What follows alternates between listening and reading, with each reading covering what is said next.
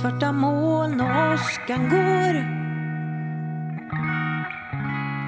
Det hänger tårar i luften Det hänger tårar i luften Försöker läsa dig men ser Feg, ryggradslös. Mitt hjärta pumpar inte. Det rycker, jämrar sig. Det är inte blod i mina ådror. Det är vatten som sipprar. Mitt hjärta pumpar inte. Det rycker, jämrar sig. Ser att du är världen Jag stänger in mig i gam- Hej och välkommen till Psykbryt, en podcast där vi delar med oss av våra erfarenheter av och tankar om psykisk ohälsa. Jag heter Mattias Ljung. Och jag heter Sandra Vilpala. Hej Sandra. Hej Mattias. Vad, vad var det där för text? Eh, jo, det är en, eh, en låttext som jag har skrivit. Den är på engelska från början och jag skrev den under vad jag minns som min första ordentliga depression. Så att det bör vara någonstans i 28-årsåldern. För, det var, för det, var, det var då som jag började förstå att någonting var lite mer ordentligt på tok. Eh, och, jag, och jag tycker, jag är, jag är inte så säker på dess litterära värde, men vad, jag tycker att den visar är ju vad som händer med självbilden när, man, när man mår dåligt. För att eh, det var precis sådär som jag såg på mig själv. Som en feg, ryggradslös, kraftlös person eh, som inte ens hade en riktig puls eller, eller ens blod. Och det är lite otäckt att, att, att se de där textraderna så här efteråt. Eh, Men du, var det så, så du tänkte liksom från att du var liten? Eller var Nej. det en, liksom resultatet av att du blev mobbad som fick dig att se på dig själv så?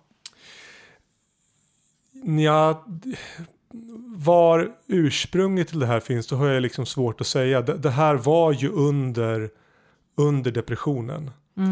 Eh, och jag tror inte att de här tankarna fanns på det här svarta sättet innan. Jag tror att det fanns en mer diffus känsla av att vara mindervärdig.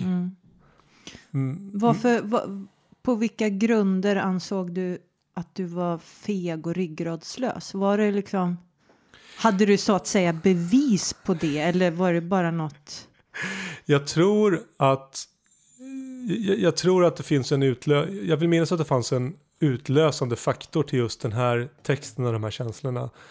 Eh, och det var ju att eh, det var någon tjej som jag var intresserad av och jag vågade liksom inte ta kontakt med henne. Jag vågade inte göra mina avsikter kända. Eh, och, och anledningen till det, det var ju att jag med den självkänsla som jag hade då såg det som omöjligt att jag skulle kunna vara attraktiv som möjlig partner. Ja. Alltså för, för mig så var ju det helt otänkbart. Eh, och då ja, gjorde ju det att jag inte, att jag inte, jag vågade inte ta den här kontakten, jag vågade inte öppna upp för att, för att bli sårad och, och då kände jag mig så feg och, och, så ryggradslös. Och sen så och då- sänker man ju sig själv där. Det blir ju som en ner, ner, neråtgående spiral. Och, Ja. Men, men i så fall Mattias så tänker jag att de flesta av oss är rätt fega och ryggradslösa. Men jag tänker på just att ta kontakt med folk på det viset. Det är ju svinaläskigt. jo, det är väl det. Det är väl det. Eh, Men har man den dåliga självkänslan och självförtroendet så, så blir, hamnar det ju i just det du då gjorde var att slå på dig själv. Liksom. Mm. Ja, att just precis. du var feg. Och alla andra fixar ju det här så bra. Ja. Tror du ju då i Ja. din liksom. Ja, ja. Ja. men det är ju så man...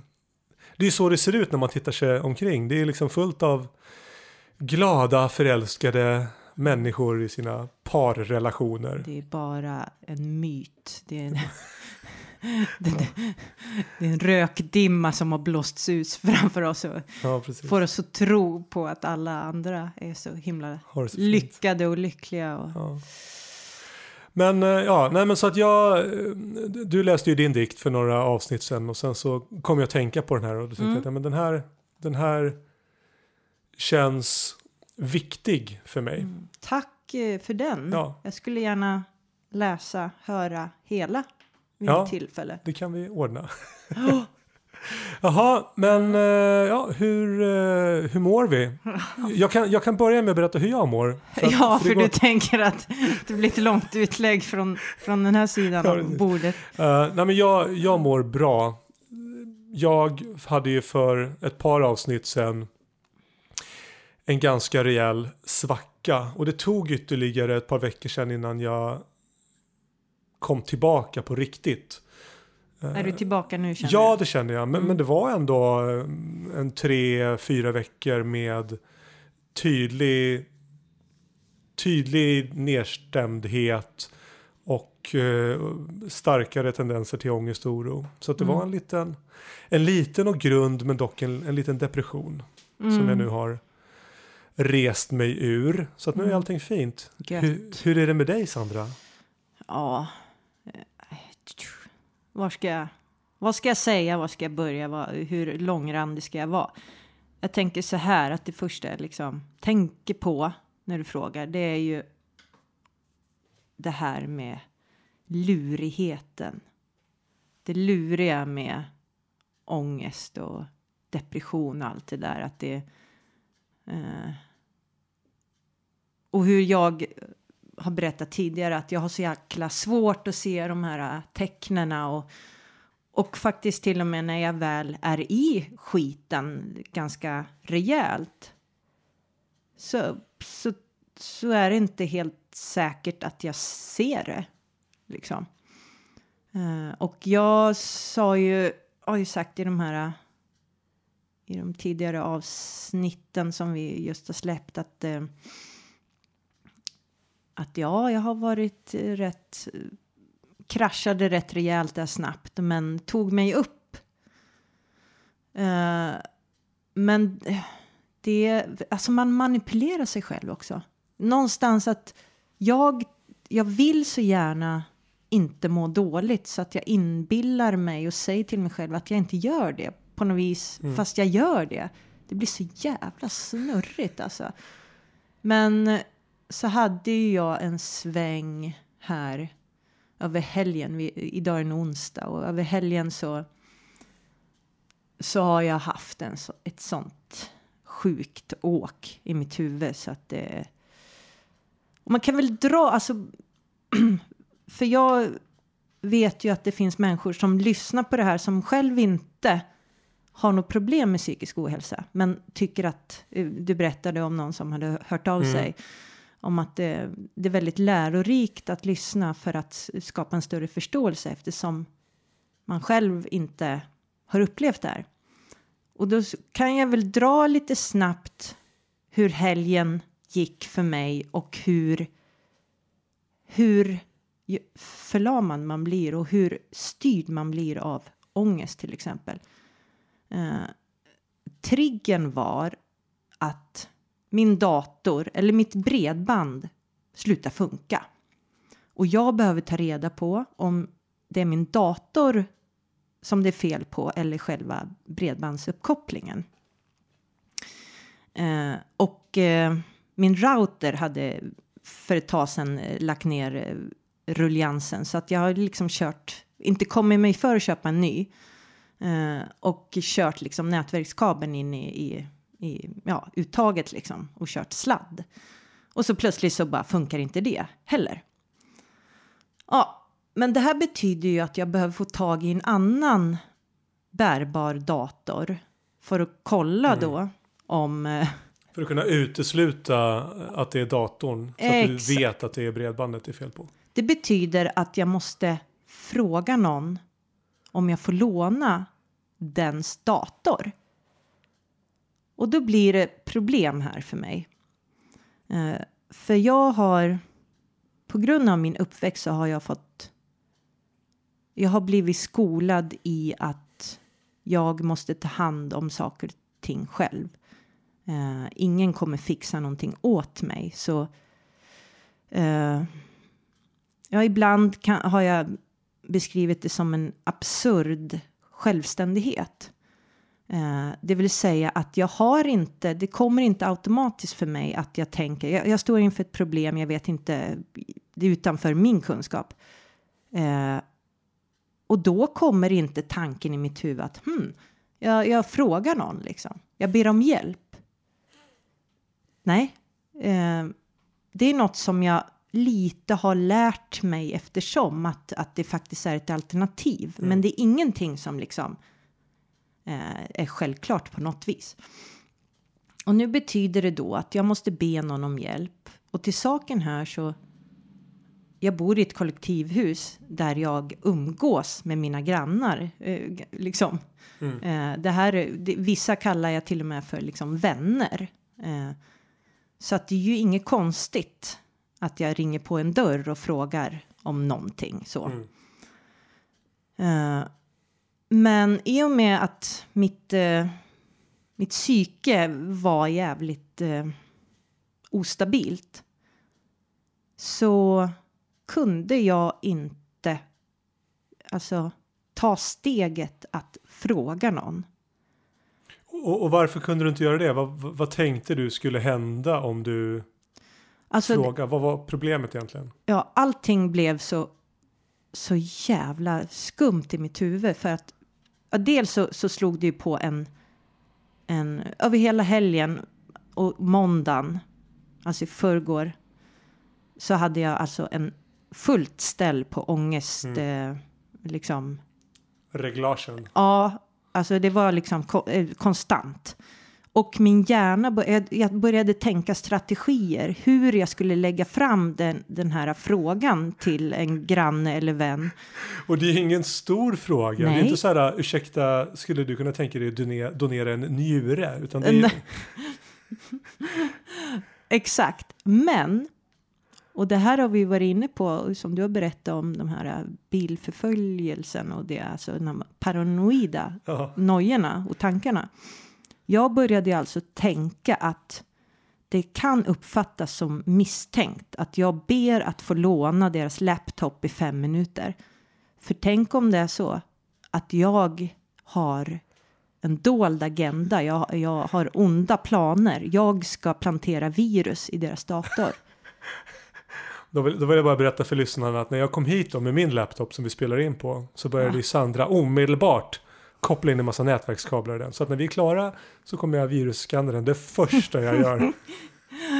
Ja, det är alltså onsdag nu och jag har ju ännu inte kommit mig för att be någon Ja. granne.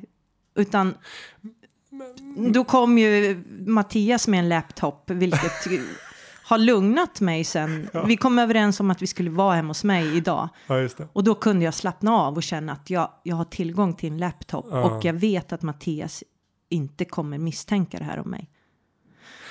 Och jag ska också säga att när jag berättar om det här, om att eh, någon skulle kunna misstänka att jag är ute efter det. När jag berättar om det nu så känns det faktiskt inte helt omöjligt att någon skulle kunna tänka så. Så, Jag- så att du är kvar i den här vanföreställningen? Ja, det finns skulle en möjlighet. Att de skulle kunna tänka, alltså.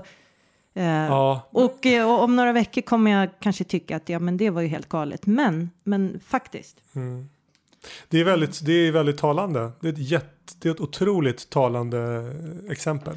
Ja, och om hur, hur, vad man skulle kunna säga, skitsaker. Hade jag varit på ett bättre ställe i hjärnan och varit mer stabil så hade det här, även om jag har problem med att be om hjälp, så, så skulle inte det här vara en stor grej numera.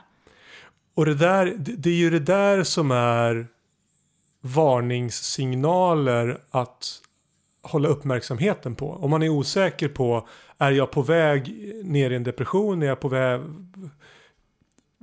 vart hän bär det? Då är det här sådana saker som som man, kan, som man kan ha som varningssignaler. När de här Ja. tankarna börjar komma, om man har det som ett mönster. Så att även om man inte kanske är där än så kan ju det här vara ett steg på vägen då. Och det här är ju ett sånt talande exempel på hur ångest styr en.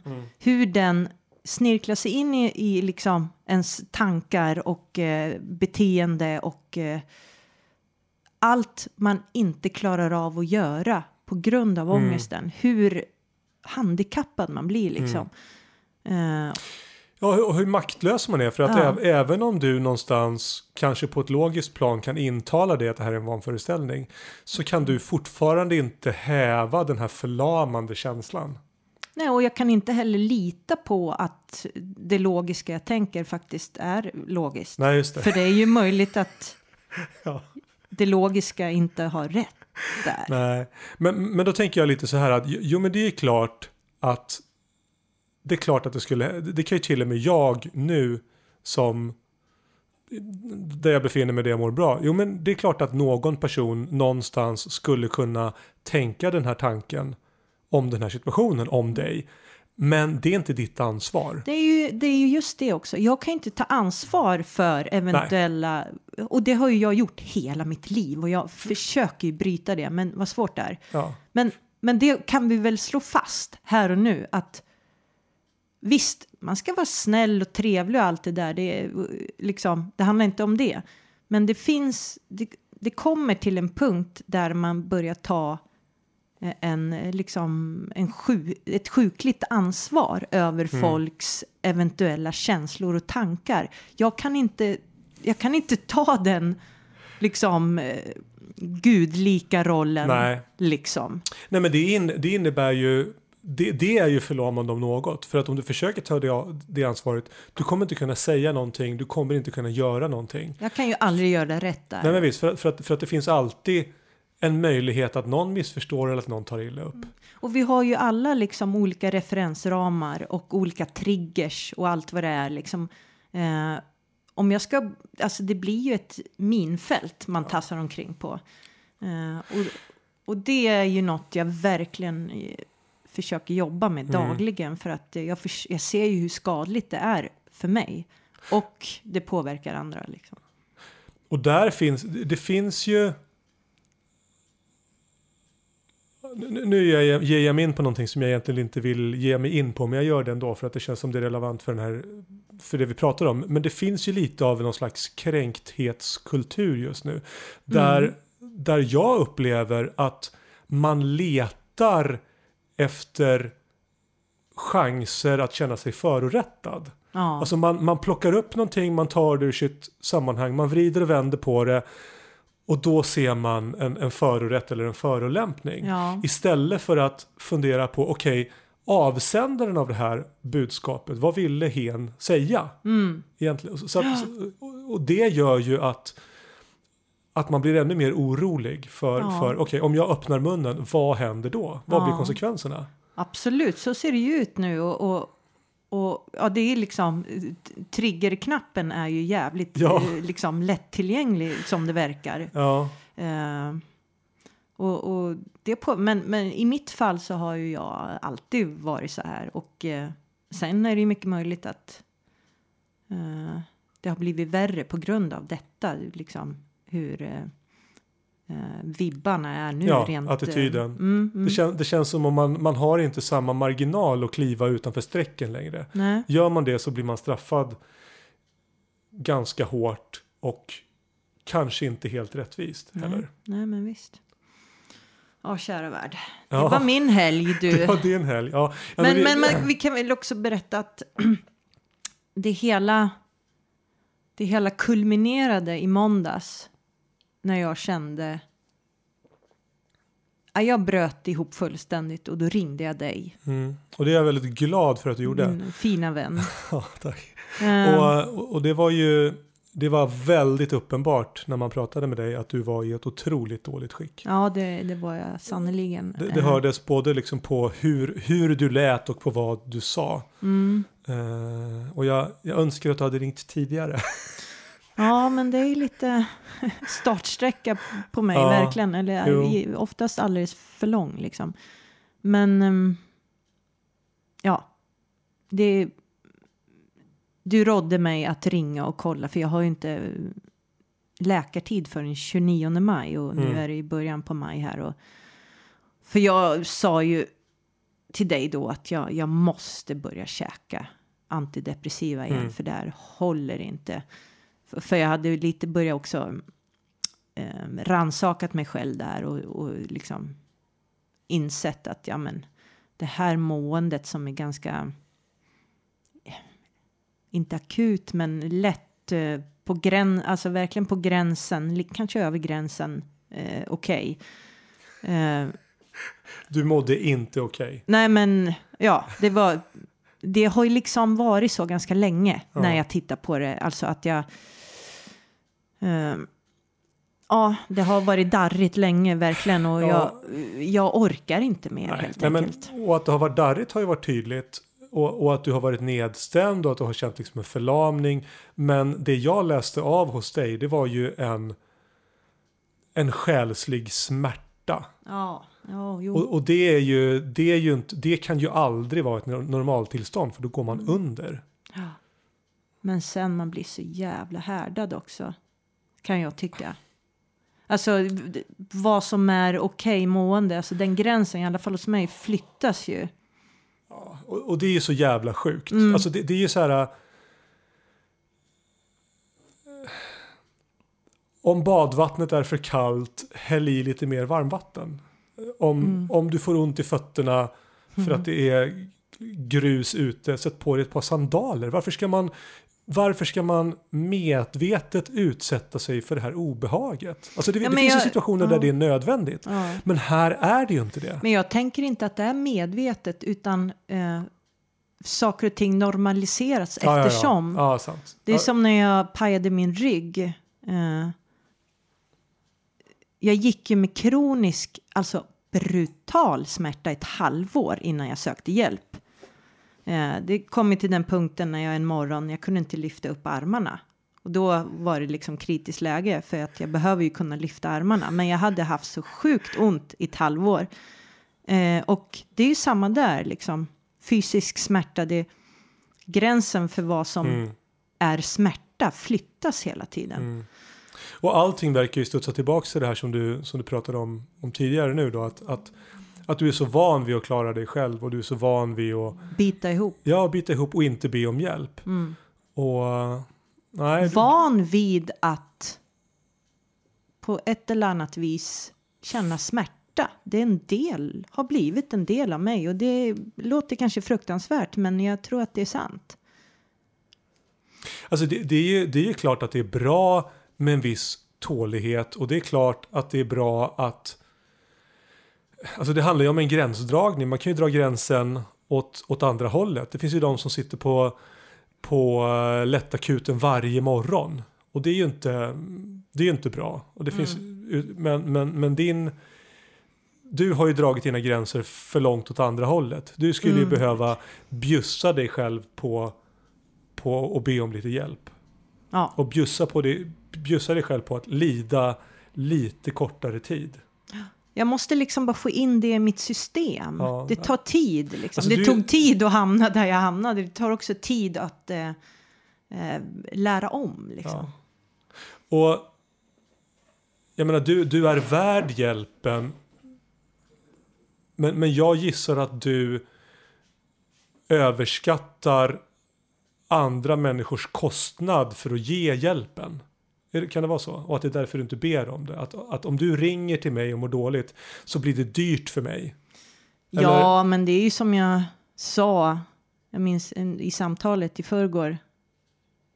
Och du skrattade lite till och jag förstod exakt vad det där lilla skrattet betydde. För jag sa så här, förlåt att jag ringer och gör så här och lägger det här på dig och eh, jag vill inte att du ska bli orolig. Ja. Eh, och då skrattade du till liksom. Eh, och sen sa du någonting. Men, men just det där skrattet, det sa allt liksom. Eh, ja. Helvete. Ja, det, det är ingen belastning. Men, men jag tror, jag, alltså det du känner är otroligt vanligt. Och jag känner igen det själv från när jag har haft mina djupa svackor. Ju sämre jag mår, desto starkare blir impulsen att isolera sig. För att jag vill inte drabba andra med mitt dåliga mående. Man, som ett skadat djur som lägger sig, liksom kryper undan för att, att dö. lite som många djur gör. När de ska dö, då, då drar de sig undan flocken och Ja, ja. dör själva liksom. Och jag, jag, så har jag faktiskt sett på mig själv.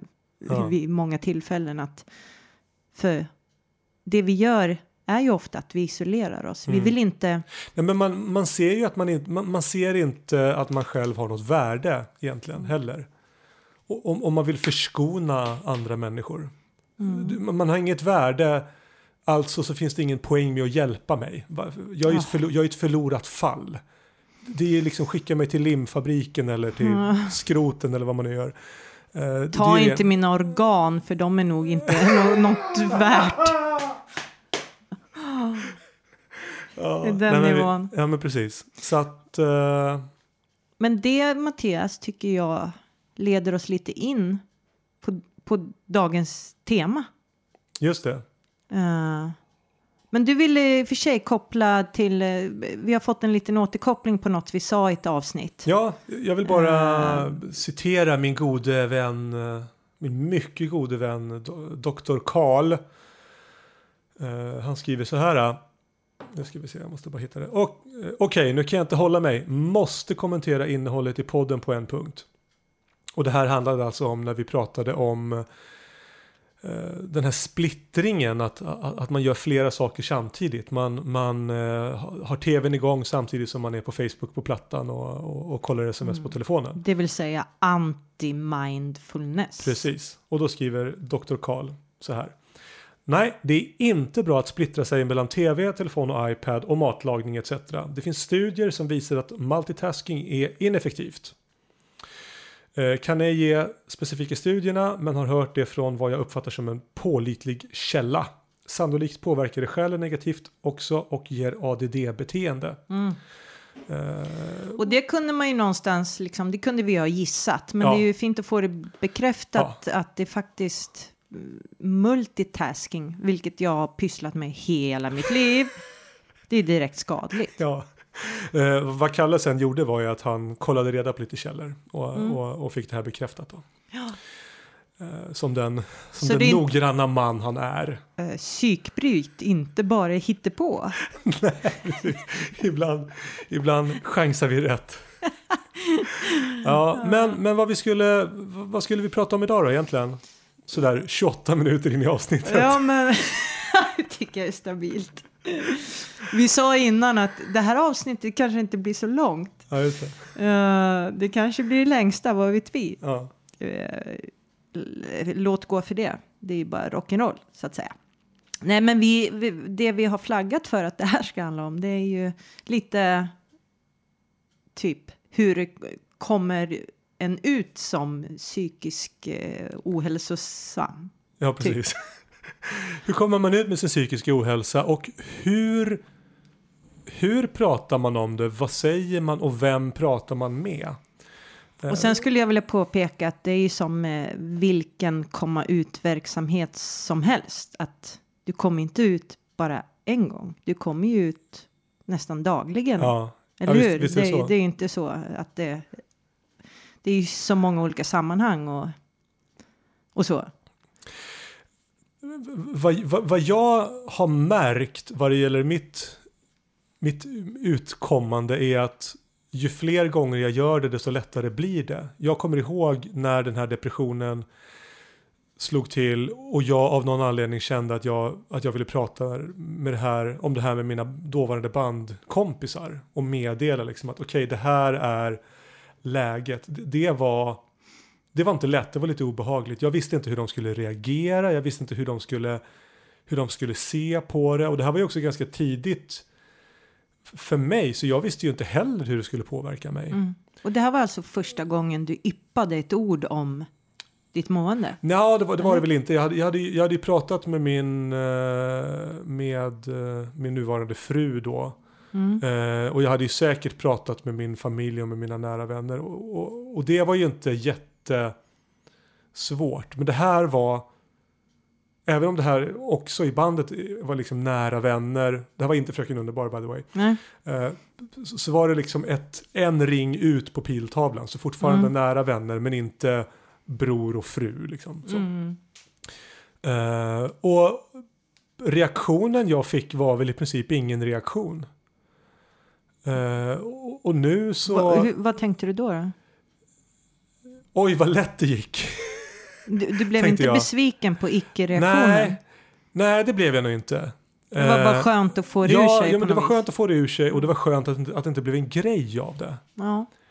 Eh, och det här, och jag upplever väl att även om det pratas lite om det här idag så pratas det mer om det idag än vad det gjorde för 15 år sedan. Ja, ja, ja. så att, så att, så att, så att eh, ja, Och det är ju hela anledningen till att vi gör den här podcasten. Ja, ja. Det är ju att vi upplever att det, det är ju fortfarande otroligt stigmatiserat och jo, tabu liksom. Eh, och, och det här är ju något som, även om man inte liksom eh, lider själv av psykisk ohälsa så säkerligen, eller garanterat någon i ens närhet har Mm. ju de här problemen.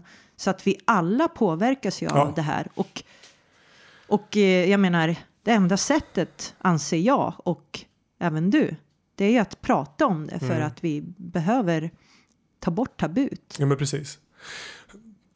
Och, och jag, jag känner ju där att eh, nu pratar jag ju med alla om det.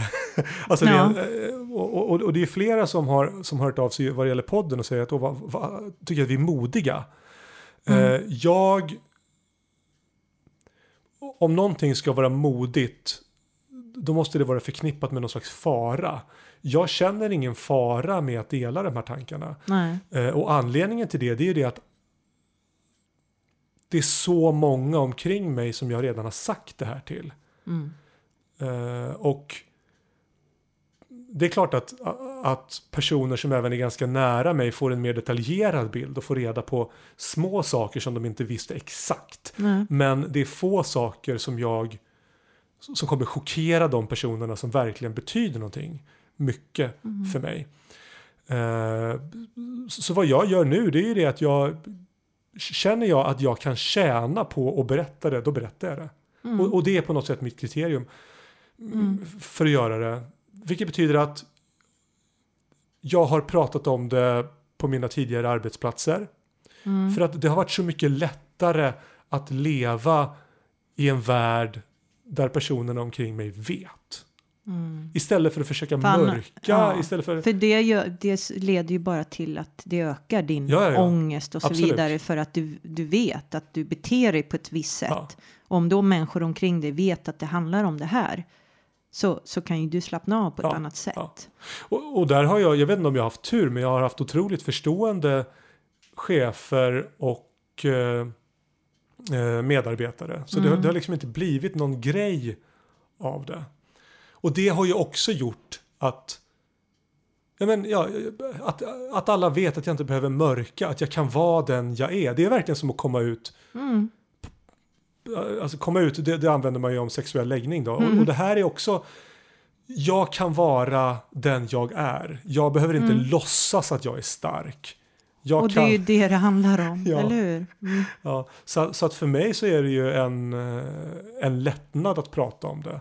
Sen, Mm. sen, sen kan man ju säga det på olika sätt i olika... Olika människor behöver ju veta olika saker. Ja. Min chef behöver veta att ja, men okej, jag, jag, den här situationen upplever jag som stressande och, och när jag sätts i den här situationen så går min verkningsgrad ner och mitt arbete blir mindre effektivt. Så kan vi göra någonting för att jag inte ska hamna i den situationen. Det är ju det hon, hon eller han behöver veta. Mm. Eh, och Medan andra personer behöver veta andra saker. ja. Och och jag har ju otroligt positiva erfarenheter av att, att dela med mig på det här sättet. Jag kommer att tänka på en sak på vägen hit.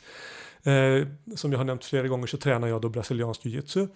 Eh, och för ett, ungefär ett år sedan så tog jag en paus eh, Mm. från, från träningen. Eh, och det berodde på att jag jag kände en oro, jag kände en ångest över träningen. Jag kände att jag kommer komma dit, jag kommer vara dålig, det kommer vara pinsamt, jag kommer vara en dålig eh, eh, träningskompis, jag kommer förstöra för dem jag, jag, jag tränar med. ja. Jag hade en sån här liten cykel där jag sparkade på mig själv. Alltså det, det är ju, när man tränar den här formen av träning så, så tränar man tekniken i par och det man gör är ofta ganska avancerat och det krävs att, man, att man hjälper varandra.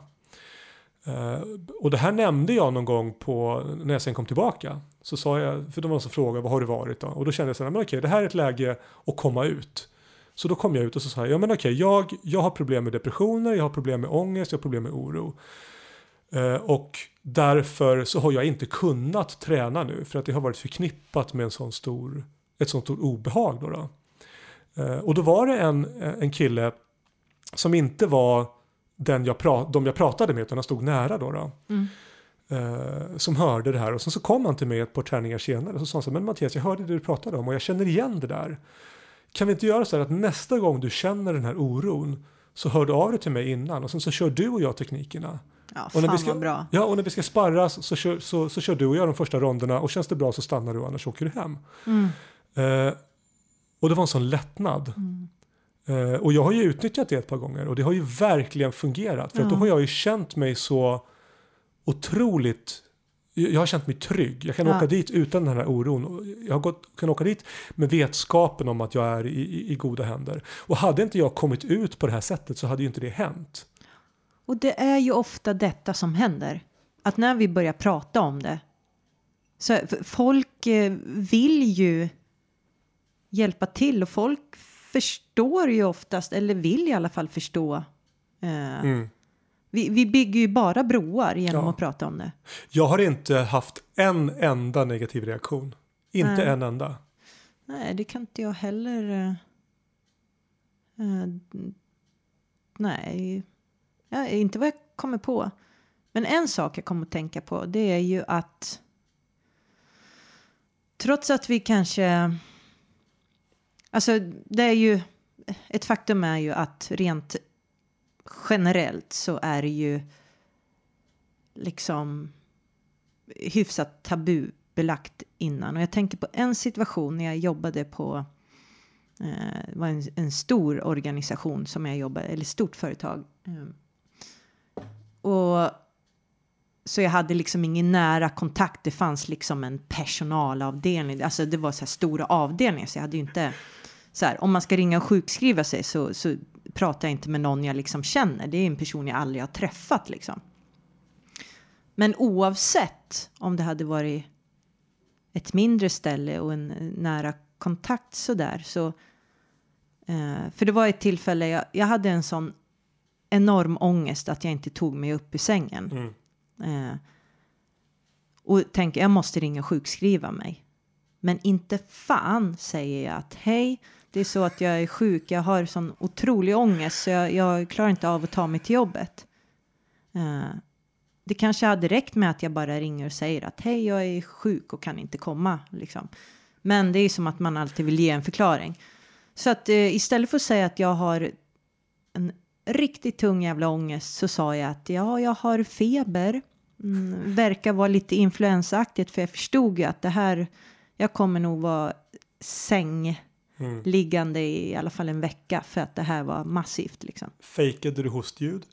Eh, no I didn't. Okej. Men jag gjorde nog lite skrovligt med rösten. men men det, här, det här är så talande för att jag känner inte att det är okej att ringa och säga liksom sjukskriva mig av liksom Mm. eh, psykiska eh, anledningar. Då är det lättare och man vet att jag kommer inte få eh, få några följdfrågor på feber liksom. Jag kan väl tycka att det du gjorde var okej ändå. Alltså jag, Ja. jag, för, jag förlåter dig, eller, och, och HR-avdelningens väg, vägnar då. Mm. Eh, om man känner att det är en... Att man behöver en kortare paus. Så är det ju... Jo, för mig var det ju en, en, en total omöjlighet att ta mig Mm. Ja. liksom upp ur sängen och ut genom dörren. Det var liksom det är värre än att ha feber kan jag säga. Ja, ja, ja, absolut. Ja. absolut. Eh, sen, alltså jag, jag har liksom, sen vi bestämde att dagens tema var detta, eh, hur kommer man ut med sin psykiska ohälsa och jag kan liksom inte se att det finns något, eh, något liksom tydligt sådär att då, det var första gången jag pratade om Mm. det här liksom. Eh, jag vet inte, jag, det, tog väldigt lång tid innan jag ens pratade om mitt mående och eh, den som jag nog, som jag kan minnas, som jag började prata om det på ett mera ingående sätt var väl en av mina bästa vänner eh, under tonåren. Och sen har ju hon dessutom fått ta jävligt mycket av det där. När jag väl började prata så, så började jag prata. Liksom. Jag behövde ju älta saker och ting. Ja, Eh, och jag har i efterhand frågat henne liksom, hur fan var det för dig liksom, att eh, behöva... Jag tänker att det blir ju... I det fallet blir det ju verkligen en stor sak att lägga på någon och hon var ju ung liksom. Eh, även en vuxen så hade det varit en stor sak. Men hon har uttryckt det som att eh, nej, men hon ville hjälpa till. Hon håller på att utbilda sig till socionom Ja, kan ja. jag säga. Ja. Men, men, men jag tänker på det här, en stor sak att lägga på, sa du. Ja. Eh, och där, det är lite ett missförstånd tycker jag. Okej, Eh, ja. alltså att jag är till besvär. Ja, du tänker för- för att, att- eh, för- för- det är en för när- dålig inställning, fel. ja, för när du pratar, eller eh, jag kanske ska prata utifrån mig själv så att jag vet vad jag, vad jag pratar om. Mm. När jag pratar om min oro så förväntar jag mig inte att personen jag pratar med om personen i fråga inte liksom är en läkare eller en terapeut. Jag förväntar mig inte att den personen ska lösa mina problem egentligen. Utan, Nej. utan det, handlar, Nej. det handlar ju om att jag vill bli lyssnad på. Mm. Jag behöver säga de här sakerna. Eh, sen är jag ju liksom tacksam om, om jag kan få eh, Får jag några glada tillrop eller liksom ja så är det jättefint. Men, men det är inte så att, att jag förväntar mig att den här personen ska göra så att jag i slutet av vårt samtal mår bra. För det är inte realistiskt. Och, det, och det är viktigt att, känner jag, att när man pratar om de här sakerna, att, att, att man tar ett ansvar för sin psykiska ohälsa också. Mm. Att man liksom inte... Pratandet ska inte handla om att ge någon annan ens problem. Det, det fungerar inte så. Nej. Utan, eh, ja. Eh, jag tänker att i det här fallet, alltså då och där, det jag pratade mest om, det var väl saker jag hade varit med om. Liksom. Ja, ja. Eh, och, och, och sen att det kanske så småningom kom in på eh, det uppenbara hur jag liksom mådde. Eh, men jag tror att där och då, i alla fall när jag var ung, så kunde jag inte riktigt sätta ord på det. Och kunskap fanns ju Mm. inte liksom. Jag, som sagt, det var ju inte Nej, men- något man pratade öppet om i samhället på den tiden Nej. alls. Men jag måste bara säga att det du sa nu, så himla viktigt. Jag tänker så här, om du är en person som inte har problem med psykisk ohälsa, om du undrar hur du ska eh, möta en persons, liksom, om någon öppnar sig för dig Mm. och vill prata om sin psykiska ohälsa, då är din uppgift bara att lyssna. Mm. Du har, alltså, för jag tänker att om man blir rädd för att någon börjar prata om rätt tunga saker om, eh, ja, om sitt mående, att om du då blir rädd så handlar det, tänker jag, om att du tror att du måste komma med en lösning. Ja, Men nej. Eh, tvärtom skulle jag vilja säga. Kom Ja, inte med nej. några råd om du inte har en aning här. För Nej. jag, jag kan säga så här att jag har fått några dåliga råd av folk som faktiskt inte har någon susning. det här är fel läge för bro science. Ja, eh, råd som jag har följt som var väldigt dåliga för mig. Eh, som jag liksom desperat har huggit tag i och liksom. Mm. Eh, så att ge inga råd. Nej. Ge St- stöd Ge- och stä- lyssna. Lyssna, ställ frågor tycker jag man kan Ställ göra. frågor är ju alltid jättebra. Ja. Och Var inte rädd för vad, det som kommer. Liksom, Nej. för att eh, tänk istället att eh, det är så himla värdefullt för den personen att få frågan eller frågor och liksom få en möjlighet att faktiskt berätta. För det kan ju vara väldigt svårt. Mm. Och en, en fråga som jag tycker är väldigt skön att få det är frågan vad kan jag göra för dig? Ja, Precis. För, för, då, för då får jag i, i mitt dåliga mående liksom bestämma vad det är. Mm. Och då kan ju svaret vara, om, om det är min chef som ställer frågan, då kan det vara så här, nej men jag behöver få en ny roll, jag behöver få lämna det här projektet, jag behöver, vad det nu än är då.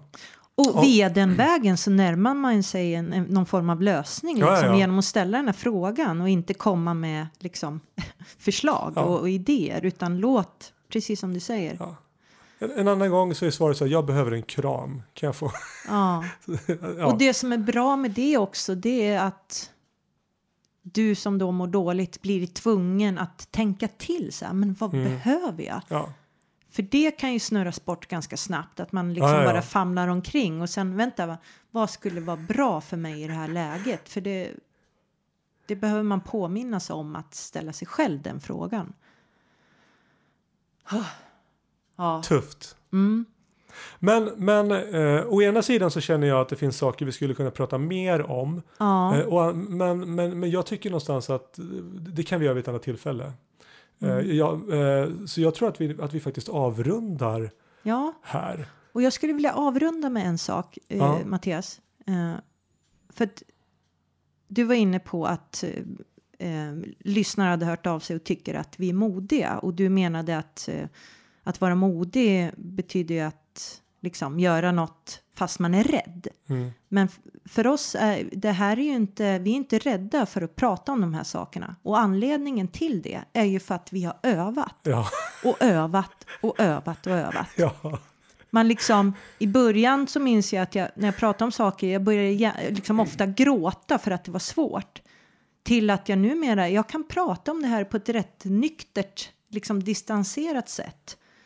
Eh, liksom mer informativt. För att eh, jag har liksom gått igenom alla de Mm. här eh, processerna liksom som, eh, och, och det måste ju gälla för alla. Mm. Att så, som med allt annat, att övar vi blir vi bättre. Så börja redan idag med att öva mm.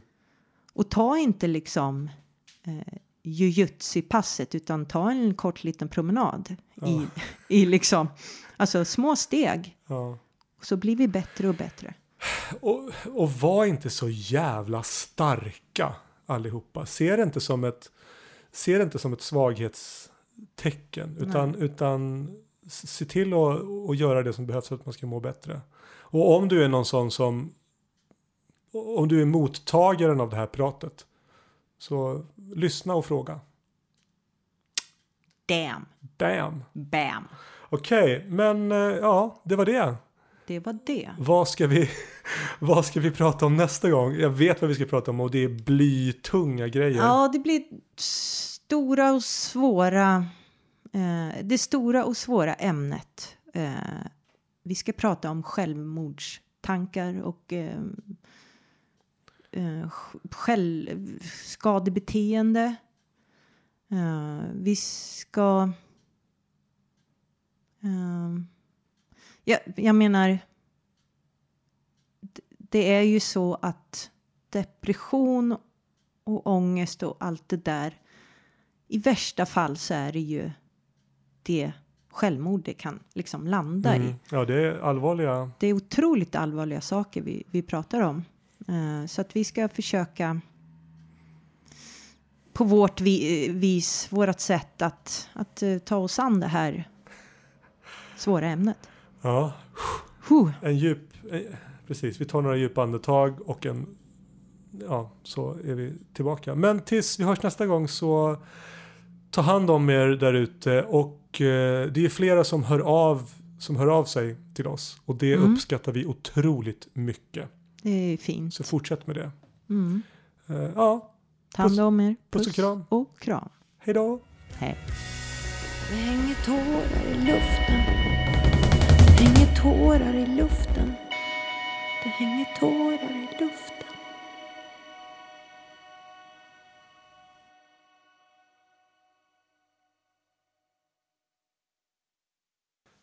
Hej och välkommen till Psykbryt. En podcast där vi delar med oss av våra erfarenheter av och tan- Tanter om. tanter. Tantran om.